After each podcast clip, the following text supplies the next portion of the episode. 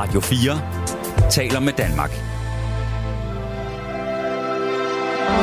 Velkommen til Portrætalbum. Din vært er Anders Bøtter.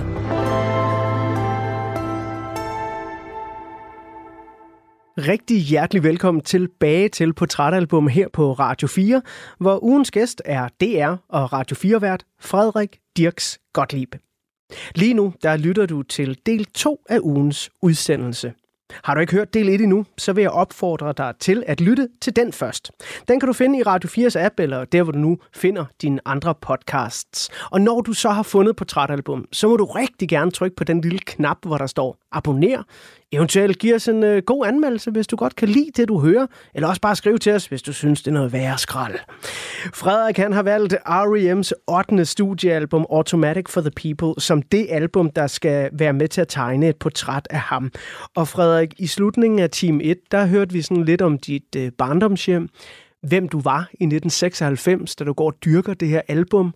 En øh, måske lidt øh, stille dreng, øh, der øh, lider meget af migræne, mm. men også har nogle stærke venskaber øh, på det ydre Østerbro, som på det tidspunkt er måske sådan et lidt hårdt kvarter. Og øh, jeg har været meget fascineret af, at du så er så vild med så blød en plade, som Automatic for the People er. Og jeg kan jo også afsløre, at de numre, du har peget på, som dem, der er nogle af de mest centrale, det er altså også nogle af de, de allermest rørende, synes jeg. Vi mm. sluttede Team 2 med at høre Sweetness Follows, ja. som jo på ingen måde er, er en sådan stor single eller stor radiosang, men det er med et smukt nummer. Ja. Hvorfor var det lige et af dem, du valgte? Sweetness Follows var sådan et nummer, det tog mig, jeg tror måske, det tog mig flere år for alvor at værdsætte, hvor godt et track det er. Altså, og hvor unikt, og hvor alternativt. Og, altså, det, det, det er jo et nummer, der ikke har nogen trommer, der kører. Der er en cello, der kører. Der er en, der er en guitar. Og så er der det her næsten sådan lidt prædikende øh, tekst af Michael Stipe. Live your life filled with joy and thunder. Yeah, yeah, we were all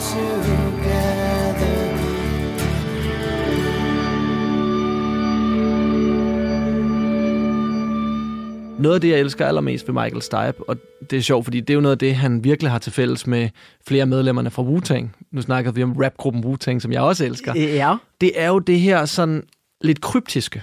Altså, ja. at, at, at teksterne ikke altid er en til en.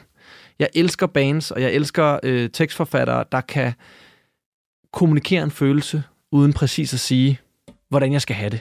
Frederik, lige pludselig, så giver den der lange liste på 14 albums mening for mig. Ja. Den røde tråd er jo, at stort set i alle albums er lyrikken sindssygt abstrakt. Mm. Om det så er fra øh, Bob Dylan øh, til Pink Floyd, øh, over til Nas, Wu-Tang Clan. Wow. Ja. Det havde jeg slet ikke, den havde jeg ikke fanget. Nej. Der må musikformidleren her lige øh, skole sig selv lidt, men der, der er faktisk noget abstrakt i næsten dem alle sammen. Ja. Jo, jo, også nogle reelle sange imellem, især på sådan en som Bob Dylan's Nashville Skyline. Øhm. Jo, men det er jo også et af, et af, et af de album, som, som mange Dylan-fans ikke nødvendigvis kan lide, fordi det alligevel også fordi har så anderledes. nok. ja, måske ikke abstrakt nok. Det er også en lidt en, en odd one out på en eller anden måde, ikke?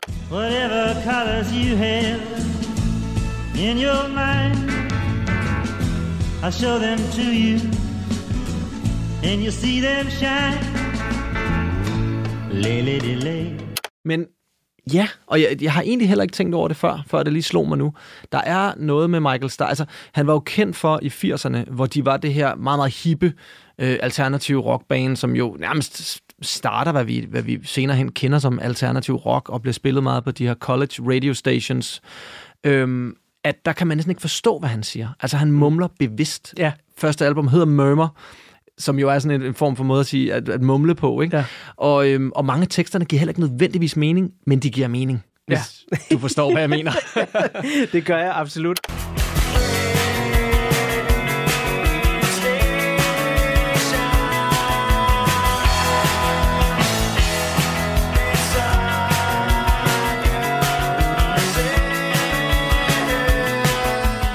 Prøv at høre, øh, Frederik, i del 1 fik vi tegnet et øh, ret fint portræt af øhm, det hjem, du vokser op i, og den tid, du går og øh, hører R.E.M. i, og at øh, din vej hen til at finde Automatic for the People var fyldt med lidt bump, øh, som så var bump af R.E.M. Altså, du ledte efter lige præcis den der lyd, du havde hørt til MTV Unplugged mm. i 1991, og kom rundt om album som Monster og New Adventures and Hi-Fi, der jo har en helt anden lyd. Ja. Øh, og lige om lidt, så vil jeg bladre om på den næste side på portrætalbummet, hvor der er et portræt af R.E.M., så lytterne også kan blive lidt klogere på, hvad det her band egentlig er for en størrelse. Mm. Men inden vi kommer til det, så spurgte jeg jo i del 1 også sådan lidt ind til, jamen, fint med de ydre omstændigheder, det er godt at beskrive, men også lidt om sådan, hvem du var mm. som menneske i 1996. Nu sidder vi her i 2023 i en super dejlig kælder. Vi er stadigvæk på det ydre Østerbro. Ikke så langt fra barndommens gade, kan man sige. Nej. Øh, faktisk kun et par hundrede meter.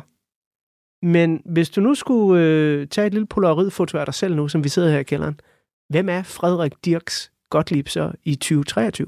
Nogen vil jo sige, at jeg var min far, hvilket jo er skæbnens ironi, når man egentlig ja. i, i en lang øh, periode af, af, af mit liv ikke følte, at jeg kunne identificere mig med min far.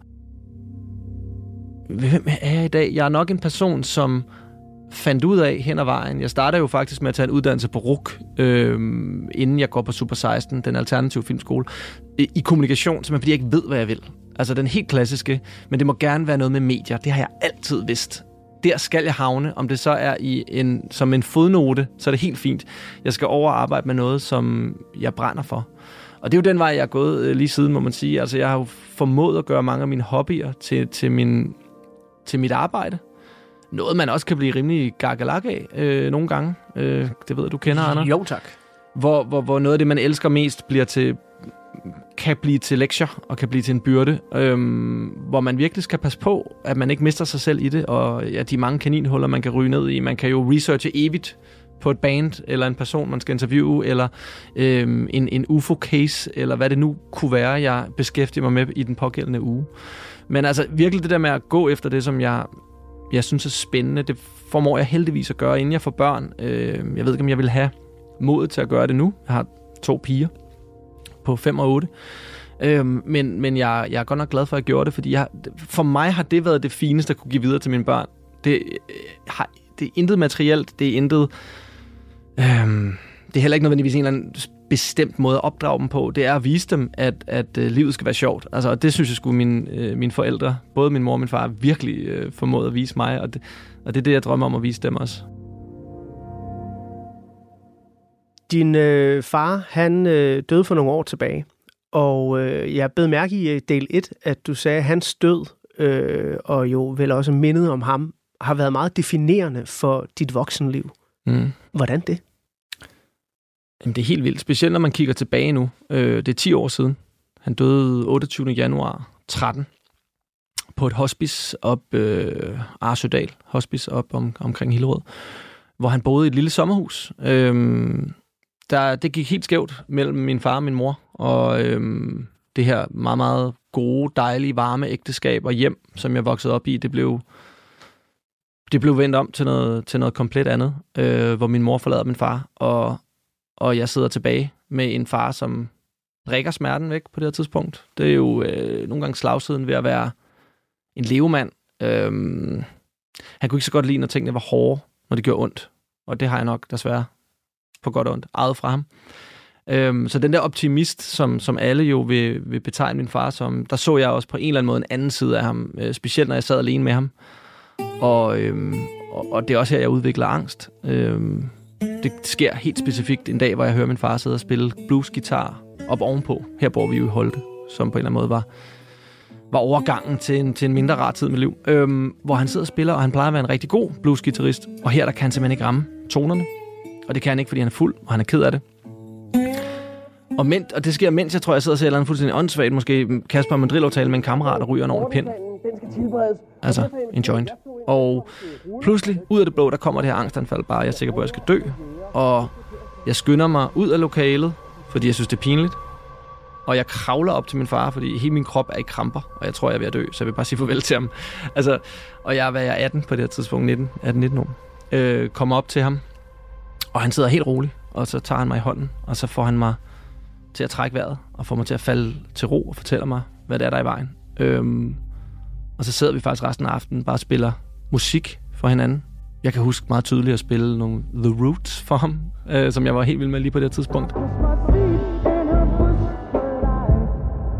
Og han sidder og spiller noget... Øh, jeg tror faktisk, han har opdaget, at han synes, Eminem er helt vildt fed, så han spiller Eminem for mig, hvilket er meget underligt. Måske var jeg bare stadig virkelig høj, øh, og så husker jeg det helt forkert. Men vi sidder her og, og snakker sammen hele aftenen, og så snakker vi aldrig om det igen. Og, og, det, og det her angst er jo noget, der følger mig i årene efter.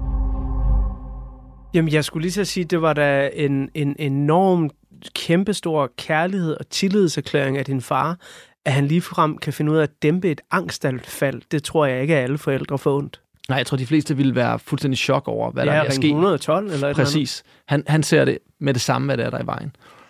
Øhm, men vi taler aldrig rigtigt om det igen. Og øhm, det er igen det her med ikke at, ikke at kunne lide de her, når, når livet bliver lidt hårdt. Og øhm, han ønskede jo ikke at se, at hans søn ikke havde det godt. Og hans datter havde det jo heller ikke godt. Hun var flyttet med min mor, min mors nye kæreste, øh, som hun havde fundet.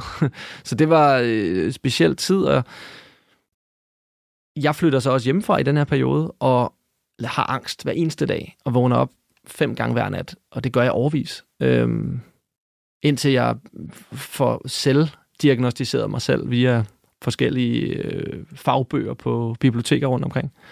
Jeg husker faktisk øh, Østerbro Bibliotek lige heroppe stå og kigge og finde ud af, at det er angst, jeg har. Øh, panikangst.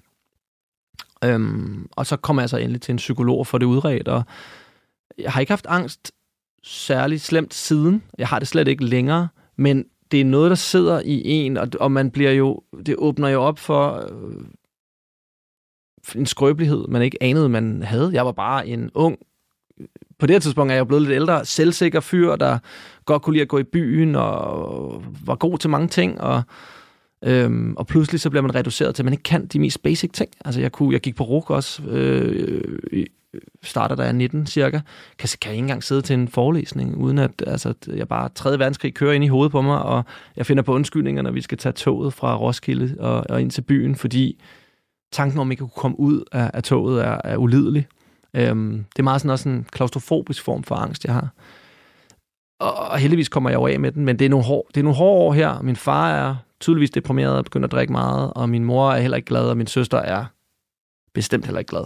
Så vi står på en eller anden måde fuldstændig i skyggesiden af, hvor vi stod for bare et par, en håndfuld år tilbage. Men hvordan kommer det så til at definere dit voksenliv, som øh, du selv sagde? Altså, for der må jo være sådan et eller andet, du, ja, ikke for at bruge et negativt udtryk, men slæber med dig fra den her tid. Fordi her, hvor du står nu i 2023, set udefra, mm kører med karrieren, en af Danmarks mest lyttede podcasts. Øh, altså, vil man vide noget om UFO'er? Hvem ringer man så til? en, der kan finde ud af at snakke om dem? Og sådan. Så, så hvad, hvad har det at gøre med, med din fars, lad os kalde det en nedadgående spiral, og, og til sidst dødsfald? Jeg tror, da min far han så endelig bliver syg, og det finder vi ud af ved, at øh, min søster ringer til mig og siger, jeg er oppe og besøge far, jeg har fundet noget på hans hals, så du skal komme op. Vi har været inde og få ham scannet komme op hver weekenden, og så tager vi ind og får resultatet på mandag. Der får vi et klart svar på, at han er uhelbredeligt syg. Han har kræft i hele kroppen, øh, knoglerne. Formentlig startet øh, fra lungerne. Han var jo fuldstændig øh, øh, insane ryger. Ikke? Han, røg, han røg virkelig meget og havde gjort det igen siden hans konfirmation, hvor han fik den første smøg af sin far. ligesom jeg fik af ham. øhm, jeg ryger så ikke længere, skal jeg hilse at sige. Men øhm, det var rimelig nemt at holde op, da man så det forløb der. Der dør han så ja, cirka to måneder efter. Og det er fra, han er helt frisk. Jeg, wow. jeg er til Black Keys-koncert med ham et par måneder forinden. Han står, han lukker min mors 60-års fødselsdag. Mine venner kan ikke forstå, hvordan min far han stadig kan stå oprejst. De er fuldstændig drukket under bordet alle sammen. Og min far står med, med, med et glas whisky op i baren og siger, is that all you got? um, og, og det, der er så vildt, at på det tidspunkt, der har han været dødssyg. Og alle symptomerne har været der. Og han har enten vidst det og ignoreret det, eller fuldstændig blokeret det ude. Og jeg har også fundet ud af, at han kører til lægen med en kammerat, med hans gode gamle ven Erik fra, fra øh, bandet. Fra det irske folkemusikband, vi hørte om i del 1, ja. Og at de, øhm, at de kører, ham, øh, de kører ham ind, fordi han er begyndt at få nogle mærkelige knopper og sådan nogle ting. Og han mener bare, at det er nogle forkølelsesknopper og sådan noget. Ikke? Men, men det vi mærker der, mig og min søster, det er ikke øh, ny, nyfunden kraft, øh, Knude. Det er, det, er, det er flere år inde i en sygdom, som han af en eller anden grund har kunne ignorere. Indtil han får at vide, at han er syg. Og så dør han wow. kort, kort tid efter. Og det er, da han bliver rigtig syg, det er, da han ligger på hospice, det er der, jeg husker at fortælle ham, at nu arbejder jeg ikke med markedsføring længere. Ikke, at der er noget vejen med det, men det var bare aldrig rigtigt for mig. Men at jeg lige har fået job inde på noget, der hedder Biofilm i Vilderskade Filmhus, som uh, producer trainee, og at jeg i øvrigt er kommet ind på Super 16. Øhm, og så dør han kort tid efter. Han var meget lettet over, at jeg tror, jeg, jeg kom lidt videre, og måske blev jeg voksen lidt tidligt i det der hjem med de der to barnlige forældre, så, så der var måske noget be, en bekymret øh, mine, han ikke altid, som han, var, som han var lidt bekymret over i mig på en eller anden måde. Og så 2013, hvor han så dør, jamen der, det der alt går i gang. Jeg begynder at producere film. Jeg kommer ind på Super 16. Jeg laver mit første radioprogram på Radio 24 der hedder Stream Team. Øhm, jeg møder også min, min nuværende kæreste, øh, som jeg havde været venner med siden 1. G på det tidspunkt. Sara, og, øhm, og kort tid efter også blev hun også gravid og sådan noget. Så på en måde føler jeg jo, at hvis ikke jeg havde mistet min far, så havde jeg måske ikke i gang sat alt det her. Øhm, og på den anden side, så tænker så er det jo super trist, at han har ikke noget rigtigt at, at se noget af det. Eller, han var jo også... Interessen for UFO'er kommer jo fra ham. Aha. Ja.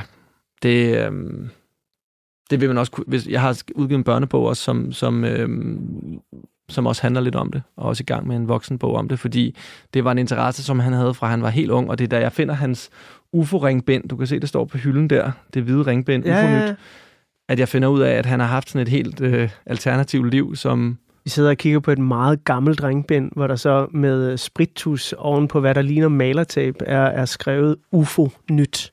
Og ja. det er din far, der har skrevet det her? Det er min far, der har skrevet det her. Det er så et ringbind formentlig fra 80'erne, men det er noget af det eneste, han har passet på gennem hele sit liv. Han var et værre rådhoved. Altså, ja. at komme ind i hans bil var som at komme ind i en svinesti. Ikke? Altså, det, det var ikke det, men det her ringbind, hvor der ligger de her gamle medlemsblade. Det er fuldstændig vedligeholdt. Jeg har ret fascineret af, at jeg sidder og kigger på noget af det, din far har efterladt dig, som er noget af det eneste, ifølge dig selv i hvert fald, der er sådan helt ordnet i hans liv. Og det er jo på en eller anden måde, at det, der kommer til at give dig dit helt store gennembrud. Mm. Jeg er med på, at du har lavet mange ting før, og jeg har også hørt programmer, du har lavet på 24-7 og, og så videre, og fulgt lidt med på sidelinjen. Men flyvende tallerken er jo dit gennembrud. Mm. Vi far har været stolt af det. Ja, det tror jeg. Og, og det er jo på en måde det, jeg altid let lidt efter, at han skulle være. øhm, jeg mødtes med min, med min fars ven Erik for første gang siden begravelsen øh, for i lørdags, for et par dage siden. Og han sagde, åh, hvor er det ærgerligt, han ikke nåede at se det her. Han ville have ringet til mig, og så ville han have sagt, jeg sagde jo, de var derude, Erik. For de stiftede simpelthen sammen øh, Gentofte UFO Klub, Erik og min far Ebbe. Min far han var for, formand for den. Og, øhm, og det jeg så finder ud af gennem Erik er, at han har faktisk taget det mere seriøst, end jeg nogensinde troede. Han har haft øh, forbindelser til, til de, til de øh, mest prominente folk inden for, for UFO-verdenen på det tidspunkt. Okay. Blandt andet ham, der hedder George Adamski, som er øh, måske det mest kendte UFO-navn fra, fra datiden. Har du nogensinde tænkt over, når vi nu på et eller andet tidspunkt, fordi det gør vi jo, lad os håbe, det bliver i vores levetid, finder beviset for, ja, der er øh, intelligent liv derude. De flyver rundt enten i nogle tallerkener eller ellipseformede ting, eller hvad det nu kan være. Har du nogensinde tænkt over, hvad for noget musik du vil spille for dem? Mm-hmm. Altså Man on the Moon kunne man jo godt spille. Det kunne man nemlig godt. Jeg havde håbet, du ville sige et R.E.M.-nummer, fordi ja, lige om lidt, så skal jeg bladre op på en ny side af portrætalbummet og netop tegne et portræt af R.E.M. Men altså, Frederik Dirk Gottlieb i 2023, vil han være en, der, der måske stak øh, den her Alien, øh, en R.E.M.-CD eller en opsamling eller et eller andet? Det kunne han sagtens være. Altså, I skubber mig gerne frem i køen. Jeg, jeg vil gerne agere øh, jeres øh, your leader øh, for, for, en, for en enkelt dag, hvis det er det, der skal til, og så stikke dem... Øh, det kunne også være New Adventures and High Five. Det har også altså haft en lidt science fiction øh, mm. titel over sig, ikke? Jo, jo, jo, lige præcis. Um, altså, jeg kan se, at din hjerne allerede kører lige nu, hvilket album ja. det skal være. Ja, jeg har 14, jeg har 14 at vælge med. Ja, jeg synes, jeg synes du, du skal tænke over det, mens jeg bladrer op på den øh, næste side og øh, tegner et øh, lille... Ja, ja, lille... Jeg har prøvet at gøre det kort ja, det portræt af R.E.M., men øh, vi tager lige en øh, god øh, overflyvning og starter med et par toner fra deres allerførste single, Radio Free Europe.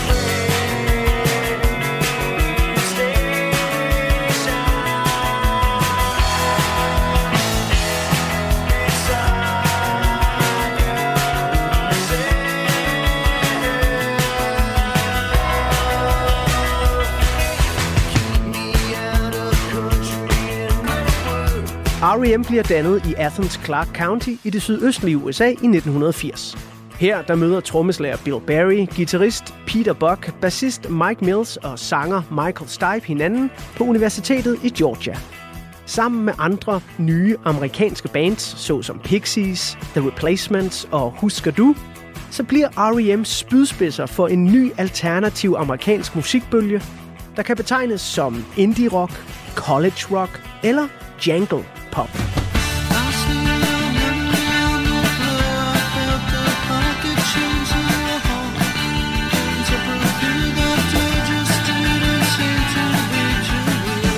Debutalbummet Murmur udgives i 1983, og herefter følger en række klassiske og virkelig gode R.E.M. 80'er-albums, som dog først får stor anerkendelse efter gruppens internationale gennembrud i begyndelsen af 90'erne. Men der er ingen tvivl om, at amerikanske 90'er-stjerner, såsom Kurt Cobain fra Nirvana, Eddie Vedder fra Pearl Jam og Billy Corgan fra The Smashing Pumpkins, ja, de har siddet hjemme på teenageværelset og lyttet til fantastiske albums, såsom Murmur, Reckoning, Life's Rich Pageant og Document. This one goes out to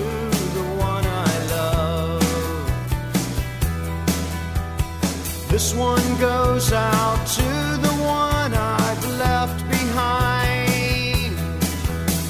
R.E.M. får deres første mainstream hit med nummeret The One I Love i 1987. Og et par år senere, så går de i gang med at indspille det album, der skal give dem deres store internationale gennembrud. Out of Time blev på alle måder et af den der slags albums, der varsler et nyt årtis komme. Første singlen, Losing My Religion, er ikke bare R.E.M's bedst sælgende single nogensinde. Det er også deres måske mest kontroversielle sang nogensinde. That's me in the corner. That's me in the spot. For selvom Losing My Religion egentlig er et udtryk, der stammer fra de amerikanske sydstater og betyder noget af at miste besindelsen, så var der mange religiøse ledere og politikere verden over, som opfordrede til, at sangen skulle bandlyses eller censureres. Og det skete faktisk i flere lande. Blandt andet i Irland, hvor musikvideoen til Losing My Religion i 1991 blev forbudt at vise på irsk tv.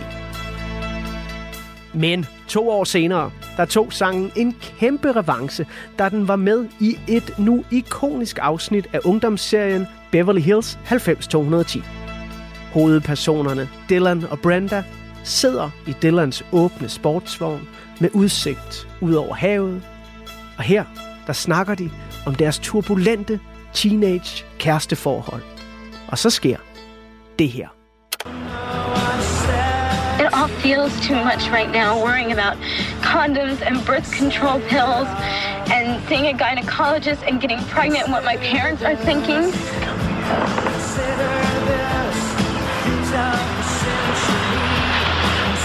it getting too scary? I just don't know what we're about. Like, things are happening too much too fast. Og på grund af især Losing My Religions kæmpe verdensomspændende succes fra 1991 og helt op til 1993 og 94, så var der altså masser af opmærksomhed på R.E.M., da de i 1992 udgav, hvad der så skulle gå hen og blive deres bedst sælgende album nogensinde. Og det var faktisk meningen, som Frederik tidligere har været inde på, at Automatic for the People skulle være en oplagt efterfølger til Out of Time – Sangene skulle være endnu mere hårdt rockende, de skulle være korte, og de skulle være kontante. Men det blev de ikke. Don't let yourself go.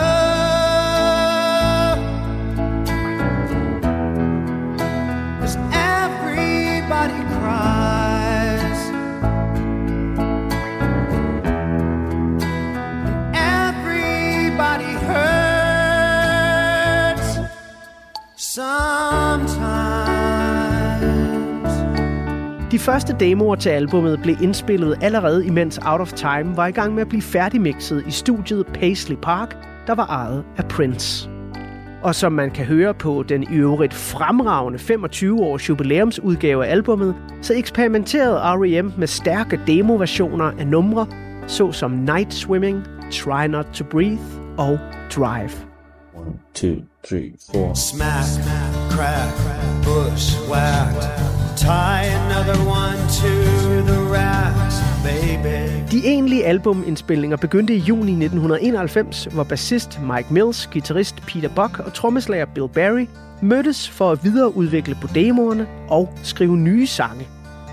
Sangskrivningen foregik dog helt uden trommer, fordi de tre venner følte sig mere frie til at eksperimentere med R.E.M.'s udtryk, uden at have et beat bag sig.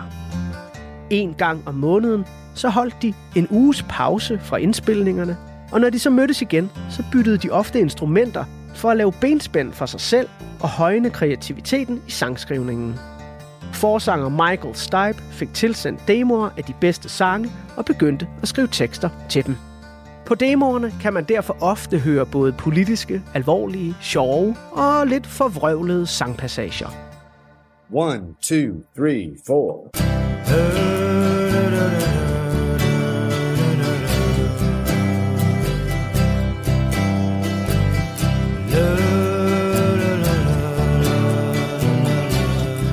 Det færdige albums smukke strygersektioner blev arrangeret af Led Zeppelin-bassist John Paul Jones.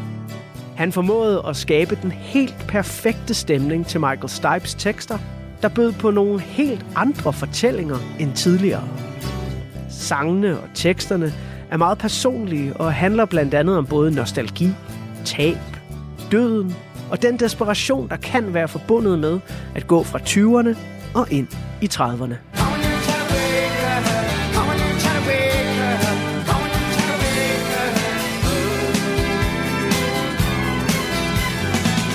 Michael Stipe har også senere fortalt, at meget af den melankoli, han fandt på Automatic for the People, handlede om, at R.E.M. pludselig ikke længere var en del af en fremadstormende musikbølge.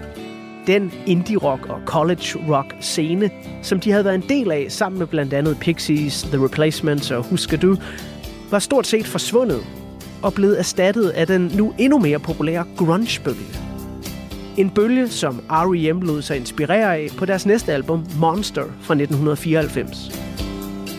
Her fik de nemlig endelig lavet det hårde rockalbum, som var intentionen, da de gik i gang med Automatic for the People. Rygtet siger endda, at flere af sangene på Monster skulle have været gæstet af Kurt Cobain. Men på grund af Kurt Cobains selvmord, så kom det aldrig til at ske.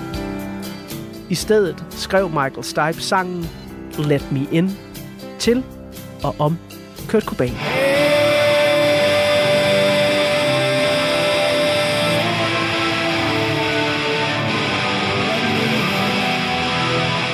R.E.M. nåede aldrig et større publikum, end de gjorde på Automatic for the People.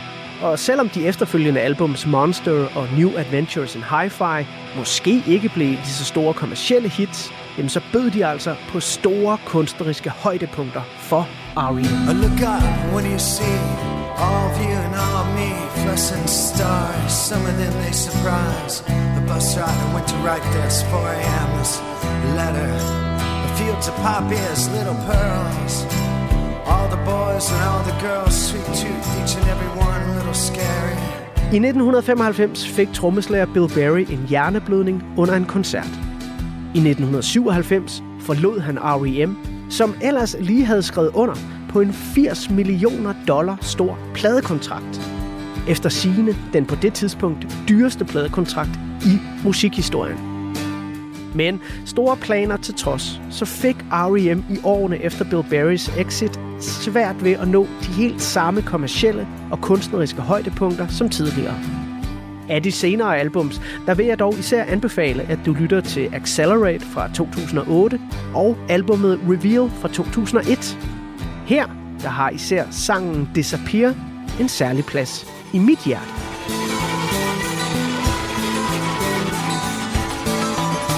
I've dragged my feet across the sea, jumped out the passenger side. Historien er kort den, at forsanger Michael Stipe er blevet rigtig gode venner med Radioheads forsanger Tom York, som på det her tidspunkt lider af en svær depression, der til og med giver ham en næsten lammende sceneskræk. Michael Stipe råder i en telefonsamtale Tom York til at opremse linjerne I'm not here, this isn't happening. Og det hjælper Tom York, der som en form for tak tager linjerne og putter dem ind i Radioheads legendariske genre-nedbrydende album Kid A. Og det gør han i sangen How to Disappear Completely. I'm not here.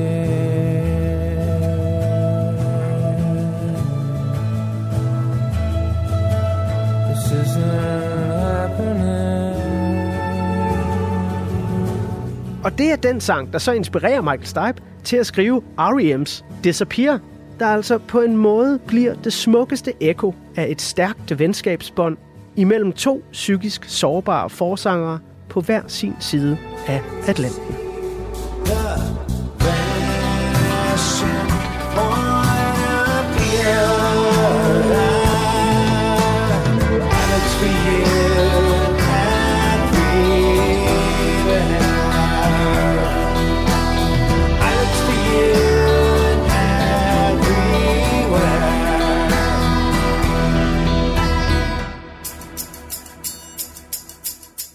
Men nu, der må jeg vist nok hellere se at komme op af mit musiknørdede kaninhul, for nu der skal vi igen haste tilbage til året 1996, hvor en cirka 12-årig Frederik Dirks Gottlieb sidder og lytter til Automatic for the People.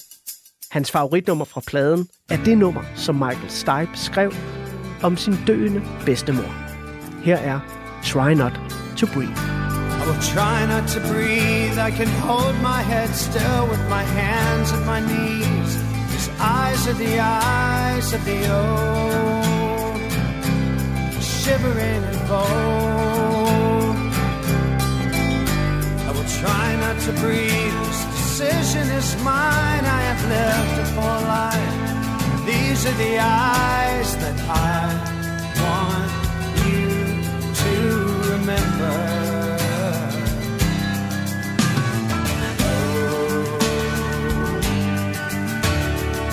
I need something to fly over my grave. I need something to breathe. I will try not to burn.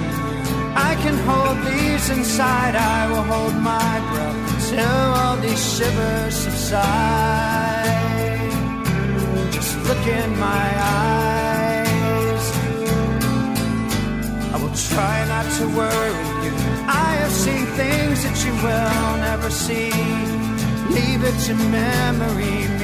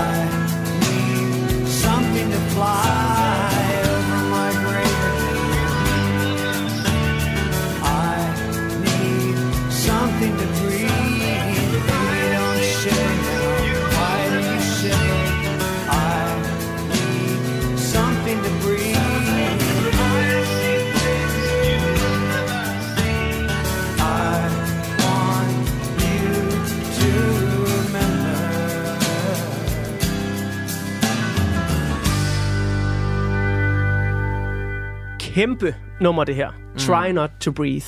Øh, ja. Elsker virkelig alt ved det. Øh, og, og til de ultra nørdede lyttere, der skal jeg anbefale den podcast, der hedder Song Exploder, som har lavet et afsnit om Try Not To Breathe, øh, hvor flere af medlemmerne fra R.E.M. er med, og de tager simpelthen den her sang og skiller det fuldstændig ad, øh, splitter det ad øh, ja. fra spor til spor. Og, og der kommer bare så mange interessante øh, facts frem. Øh, blandt andet, at de under en indspillingssession, der er der en tekniker, der siger til dem, at øh, hey, I, gå lige lidt væk fra mikrofonen, fordi altså, man kan høre hver eneste vejrtrækning, I laver. Ja. Øh, og, og, og så siger Michael Stipe, well, I'll try not to breathe. Og så er der nogen, der siger til ham, det er sgu da en god sangtitel. Ja, ja, ja. virkelig, virkelig fedt. Hvorfor er det her øh, dit måske favoritnummer på pladen? Måske også af samme årsag, at, øh, at Song Exploder har lavet et afsnit om netop det her nummer her, at der er så mange lag i det. Øh, musisk set er det et nummer, der, der stikker i alle mulige skøre retninger. Ikke? Der er næsten sådan lidt irsk øh, sejlersang over det, og samtidig er det enormt catchy. Altså, selve popmelodien er, er fantastisk. Og så tror jeg, altså, som det jo er tilfældet med hele pladen, altså hele temaet om død og ikke nødvendigvis død som en negativ ting, men bare en, en hyldest af livet, og at vi jo ved, at vi alle sammen skal videre på et eller andet tidspunkt, synes jeg er smukt. Og så, så må man jo sige, øh, at det er jo vildt, at Michael Stipe i en alder af omkring 30, tror jeg, han er her, skriver numre som for eksempel Try Not To Breathe og Everybody Hurts, der handler om selvmord. Øhm, altså den modenhed, han viser, og, og, og hvorfor han er så moden, det, det ved jeg ikke, men det, det er next level. Og jeg tror også, det er jo også en af grundene til, at Kurt Cobain elsker Michael Stipe og R.E.M. så meget. Andre musikere ser jo enormt meget op til R.E.M. og Michael Stipe. Øh, så det vil jeg også lige sige, når folk griner af R.E.M. og siger, er det ikke dem med det der platte hit, eller sådan noget, bare sådan, jo jo, men han er altså din favoritmusikers yndlingsmusiker. Ja, ja altså, lige præcis. Så, så ro på, og Automatic for the People sad jo efter sine også i øh, Kurt Cobains stævanlæg, da, da man fandt ham. Oh, det, det vidste jeg faktisk ikke. Jo. Det er meget vildt. Ja. Jeg kan så måske få din hjerne til at eksplodere øh, endnu en gang mm. ved at øh, kaste et lille fact ind, som jeg fandt, da jeg dykkede ned i kaninhullet og var lige ved at kunne finde vej tilbage. Try Not To Breathe er udgivet i 1992. Mm. Øh, det er på 10 års jubilæet for sci-fi-klassikeren Blade Runner. Og i en verdenskendt og sådan ikonisk klimaks-scene, der fortæller Roy her i filmen, spillet af Rutger Hauer, hovedrollen Deckard, spillet af Harrison Ford, om alle de fantastiske ting, han har oplevet i sit liv. Og der slutter han med at sige, I have seen things that you will never see. Mm. Og jeg var bare sådan, okay, nede i det her kaninhul, kan mm. jeg finde et eller andet sted, hvor Michael Stipe bekræfter, at han har set Blade Runner, og så har han puttet det ind i Try Not To Breathe. Og Michael Stipes store dødssang handler om en af de smukkeste dødsscener, der overhovedet er filmet i verdenshistorien. Og jeg fandt det, Frederik. Ej. Man kan det komme er langt ned. ja, man kan komme langt det ned. Det er der nede i kaninhullet. Michael Stipe bekræfter simpelthen, at de linjer, I have seen things that you will never see, ja. det er en direkte reference til Blade Runner. I've seen things you people wouldn't believe. I have seen things that you will never see. Det er jo Ridley Scotts klassiker, som du, som ja. du også var inde på. Ja. Ved du, hvem der har instrueret øh, flere musikvideoer for Automatic for the People? Nej, sig det nu. Det har sønnen. Det er Ridley Scott. det er rigtigt. Det er jeg ret sikker på. Ej. Kære lytter, hvis du ikke er den musiknørdede type, så øh, ja, tillad os at nørde igennem, men jeg elsker sådan nogle ting her. Jeg mener, altså, han instruerer helt øh, fantastisk. Everybody Hurts-videoen, okay. og jeg mener også, han har sagt, at Michael Stipe er en af de fedeste performer, han nogensinde har arbejdet med. Ja, men altså, Frederik, så fik vi jo så også lige trukket en eller anden rød tråd, øh, både til, til filmens verden, mm. øh, USA, som du er så fascineret af, øh, og, og også til en, en form for UFO-ting. Altså, jeg vil sige, Blade Runner er nok sådan hvis ikke den ultimative sci-fi film, så, så er i hvert fald en af dem hen i R.E.M. også. Det er derfor, jeg blev så glad, da jeg fandt den her lille diamant nede her i kaninhullet, fordi jeg tænker, den her, den vil Frederik virkelig, virkelig godt kunne lide, altså. Ja, men jeg er vild med den. Jeg er vild med den. Du sagde øh, tidligere, at øh, du øh, stadig sådan, måske en gang om ugen, nogle gange en gang om måneden, kan have sådan en R.E.M.-dag, eller mm. en R.E.M.-aften, hvor du bare sætter den her musik på. Hvorfor tror du, at den har fulgt dig så længe? Fordi der er jo masser af god musik, også på den liste over 14 albums, du sendte mig, ja, ja. som altså følger en hele livet, og, og noget af det, det mister man jo så lidt interessen for, og så mm. kan man gå tilbage til det, og så tænker man sådan, åh, kunne jeg virkelig, synes jeg, ja. det der var verdens fedeste musik. Hvor, hvorfor følger R.E.M. der sådan helt op til, til den dag i dag på den her måde? Jeg tror, at det er variationen i deres øh, sådan albumportefølje, der gør det for R.E.M. for mig. Altså, elsker Dylan, elsker øh, mange andre øh, store musikere gennem tiden, men jeg, jeg kan ikke komme i tanke om et band, der, hvis vi starter ved Murmur, og så lad os bare sige, at vi slutter ved New Adventures and Hi-Fi, deres sidste album, som, en, som, en, den her, som det her firekløver, har lavet 10 album, som er af så høj kvalitet, og samtidig så forskellige. Der er ikke to af de her album, så skulle det måske være de to første eller sådan noget, der minder om hinanden. Det er, at de udforsker nye genrer, ikke bare på hver plade, men nogle gange også på hvert nummer på mm. en plade, gør, at jeg kan finde uendelig mange dybder øhm, i deres katalog, og som jeg også var inde på tidligere, Michael Stipes tekster finder jeg også nye lag i hele tiden, og det går op for mig, hvad det er, han siger på numre. Der er stadig, det kan det stadig gøre den dag i dag, hvor jeg tænker, hvad er det egentlig, han siger? Det tror jeg aldrig nogensinde, jeg har vidst, og så slår jeg det op, og så bliver jeg totalt blown away over det. Så altså, jeg tror lidt ligesom nogen også har det med Radiohead. Der er nogle af de her alternative rockbands, det kan godt være, at de er lidt svære helt at forstå til at starte med, men når først man får det ind under huden, så kan det, så kan det følge en på en måde, som ikke ret meget andet musik kan. Men det er jo netop også det, der er styrken ved stor kunst, synes jeg, at øh, netop ikke jamen, give alting alt for åbent lyst til ens lyttere. Altså, læg nogle øh, små påskeæg, nogle små easter mm. eggs mm. rundt omkring, og måske også være en lille bit smule mystisk. Det kan også være det derfor min egen fascination af David Bowie, den bare vil være ongoing resten af mit liv, fordi jeg kan undersøge, undersøge, undersøge, dykke ned. Ja. Og jeg kan huske med R.E.M., da de udgiver albumet Reveal i 2001, jeg har på det tidspunkt ikke sær- undersøgt særlig meget om R.E.M. Nej. Så jeg vidste ikke, at Michael Stipe var sprunget ud som homoseksuel i 1994. Biseksuel. Biseksuel, ja. ja. Undskyld. Ja, han siger det faktisk selv, han kalder det selv flydende seksualitet. Ja, flydende seksualitet. For alle andre gjorde det. Lige præcis. Ja. Og øh, ja, jeg tror sådan set så bare, det er mediernes overskrifter, jeg har set på det tidspunkt, der siger, he's gay. Ja, og, altså, og jeg rygte om, at han havde AIDS, fordi han var tynd lige præcis, og skaldet. Og skaldet, ikke? Ja. Øh, og jeg kan huske, da jeg så hører albumet Reveal, der finder jeg lige pludselig nogle sådan ret queer ting i det, mm. hvor jeg sådan, Gud! Og netop som vi startede udsendelsen med at sige, når man er barn af 90'erne, ikke har haft noget internet, men har haft kæmpe stort kulturforbrug, fordi det bare er blevet sådan skovlet ind i en gennem tv-serier, computerspil, øh, reklamer osv., ikke?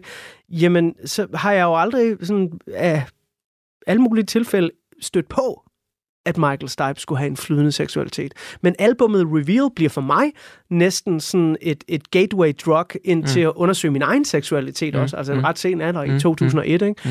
Og det er jo noget af styrken ved sådan et band som R.E.M., nemlig at man sådan, hold da op, den havde jeg ikke set komme, fordi de er for mig et 90'er-band. Ja. Men der i 2001, der blev jeg bare ramt af den der plade. That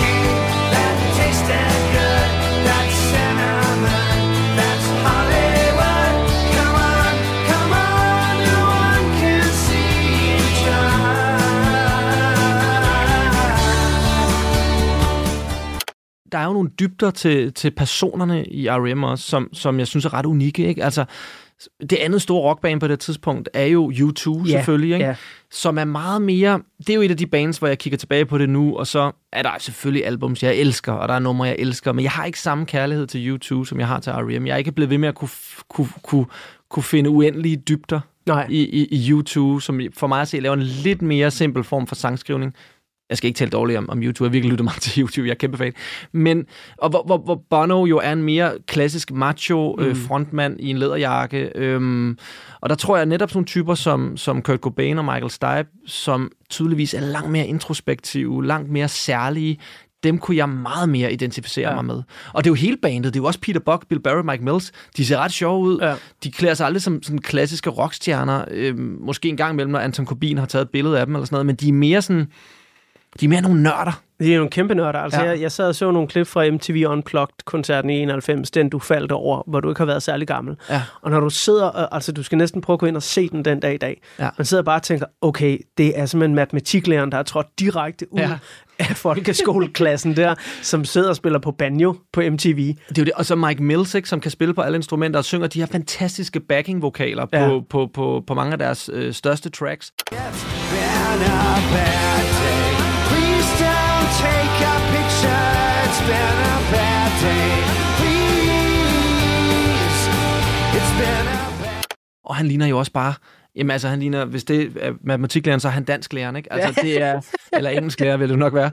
Det er øh, det har jeg altid synes var enormt charmerende, og så er det jo en tid, hvor man ikke kunne følge alle på sociale medier, og slet ikke R.E.M., som var værnede meget om deres privatliv, mm. og Michael Stipe især jo om, om, han synes ikke, det vedkom nogen, hvem han datede, og, og, og hvad han havde lyst til, og det har jeg stor respekt for i en tid, hvor Bono, hvis han gjorde noget godt for ja, ja. verden eller et eller andet, så vidste alle det ikke. Lige præcis, og det er faktisk tilbage til min fascination af den her 25-års jubilæumudgave, der er lavet af Automatic for the People.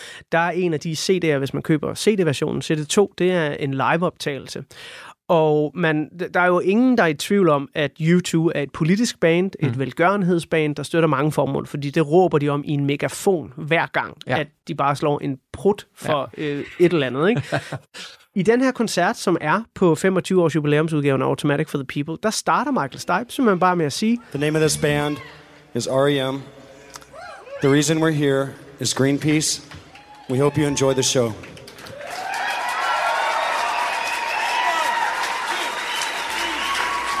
Og så ved man ligesom, nå, okay. Og så siger han ikke mere om det. Nej. Altså, der er ikke noget med sådan, øh, dyrene lider og pas på kloden og sådan. Det er bare bang. Ja. Altså, nu skal du høre en koncert, og vi dedikerer den til Greenpeace. Ja, og de har jo lavet sange også. Altså, Fall On Me er jo et, øh, et, et, et, et klimakritisk øh, nummer, uden at det, igen, meget mere kryptisk, uden at det står skrevet i panden på Michael Stipe, hvad ja. det her nummer handler om. Så, så, så holder han altid en kunstnerisk integritet, som, som jeg jeg synes er nærmest, altså, hvad siger man, nærmest unparalleled øh, i, i rockmusik. Øh, den måde, han kan, han kan få dyblerne frem. There's a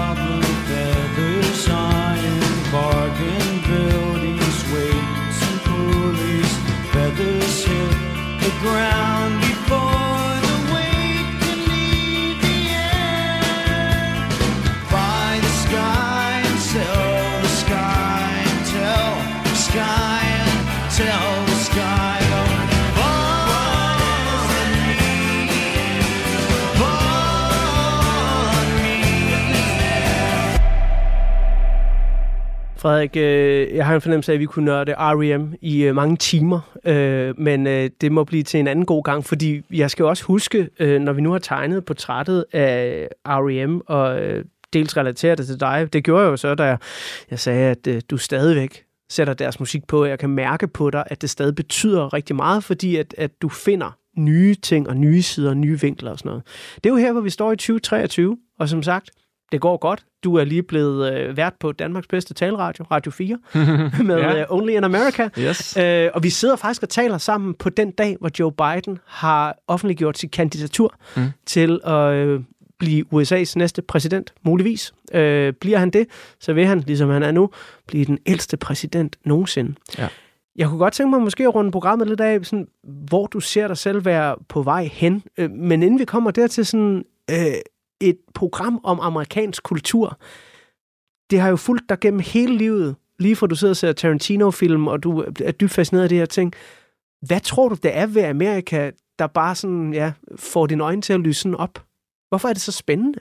Ja, og, og lyse op, men også giver mig nogle virkelig øh, dybe rynker i panden nogle gange. Ikke? Altså, det er jo både landet, som jeg elsker, og, og fortvivles over også. Da jeg var yngre, havde jeg jo drømt som mange andre om, at jeg skulle bo i New York, og jeg skal da 100% bo et sted i USA. Måske endda ikke engang New York, måske mere sydpå, et eller andet øh, eksotisk lomme af, af, af, af, det, af det sydlige USA der er jeg slet ikke i dag. Altså for mig er det mere nu noget, jeg, jeg kigger på, fordi jeg synes stadigvæk, det er det land, hvor der, hvor der kommer mest sådan interessant kultur ud fra. Musik, øh, litteratur, Øh, film og serier selvfølgelig, som jeg selv arbejder med også. Øhm, så for mig er det jo bare kulturens land. Det er der, hvor vores generation har kigget hen, hver gang vi skulle inspireres, hver gang vi lige skulle se, hvordan ser det ud, når man virkelig anstrenger sig, og når man lige kaster nogle ekstra midler oveni, og, og faktisk gør sig endnu mere umage, end vi desværre altid har mulighed for at gøre her i Danmark. Øhm, så, så for mig er det, er det kulturen. Øh, jeg kan også enormt godt lide menneskerne, men der er jo også der er mange forskellige holdninger. Og efter Trump kom til, er det bestemt ikke et land, jeg har drømt om at bo i længere. Øhm, men det er stadig et land, der fascinerer mig, om, om det er på godt eller på ondt. Hvis man er interesseret i at høre mere om det, så øh, kan man øh, tænde for Radio 4 hver torsdag kl. 14-15, hvor der er Only in America med øh, dig, Frederik, og din gode marker, Mirko Reimer Elster. Man kan selvfølgelig også finde det på podcast. Her til allersidst, hvis du så skal kigge lidt i krystalkuglen, altså du har jo øh, et par år bag dig nu, og står lige midt i noget, der er indtil videre måske din karrieres største succeser. Øh, Det går rigtig godt med Flyvende Tallerken, en af de mest lyttede podcasts i Danmark. Og øh, jeg ved, du har mod på at skrive flere bøger også. Men hvis vi kigger lidt ud i fremtiden, sådan, hvad, hvad, hvad har du lyst til? Fortsætter du øh, den her vej, du er på vej nedad nu, eller slår du en eller anden kæmpe sving og en uvending øh, lige om et par år? Det gør jeg garanteret, fordi det har jeg gjort de sidste 10 år. Hver gang, at der var noget, der blev nemt, og jeg tænkte, nu kan jeg gøre det her resten af mit liv. Og, og, og måske endda ikke stress så meget, og tjene til, til, til dagen og vejen, så, så, så sadlede jeg altid om. Og, og det er jo en af de ting, jeg har ejet fra min far.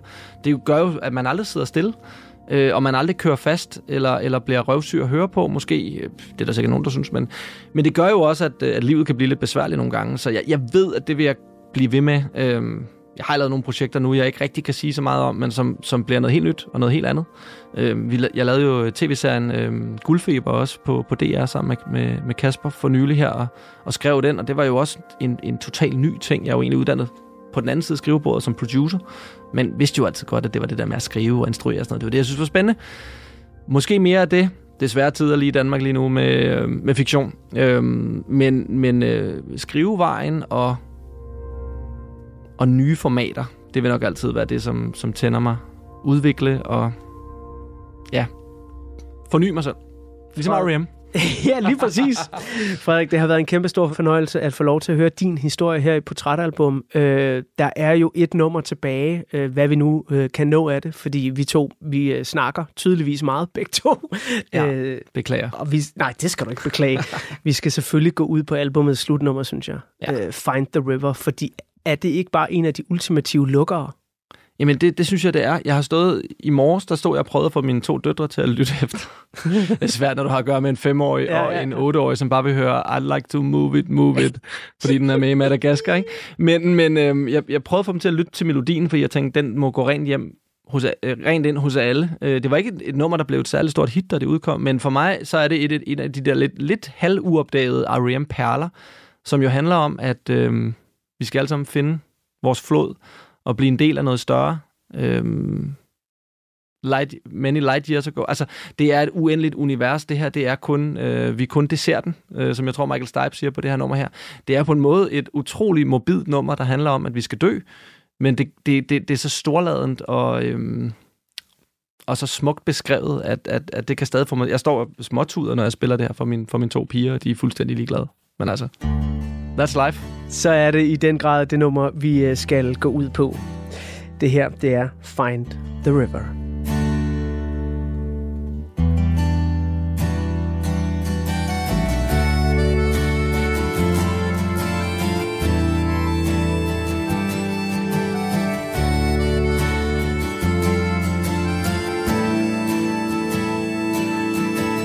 Hey now, little speedy head.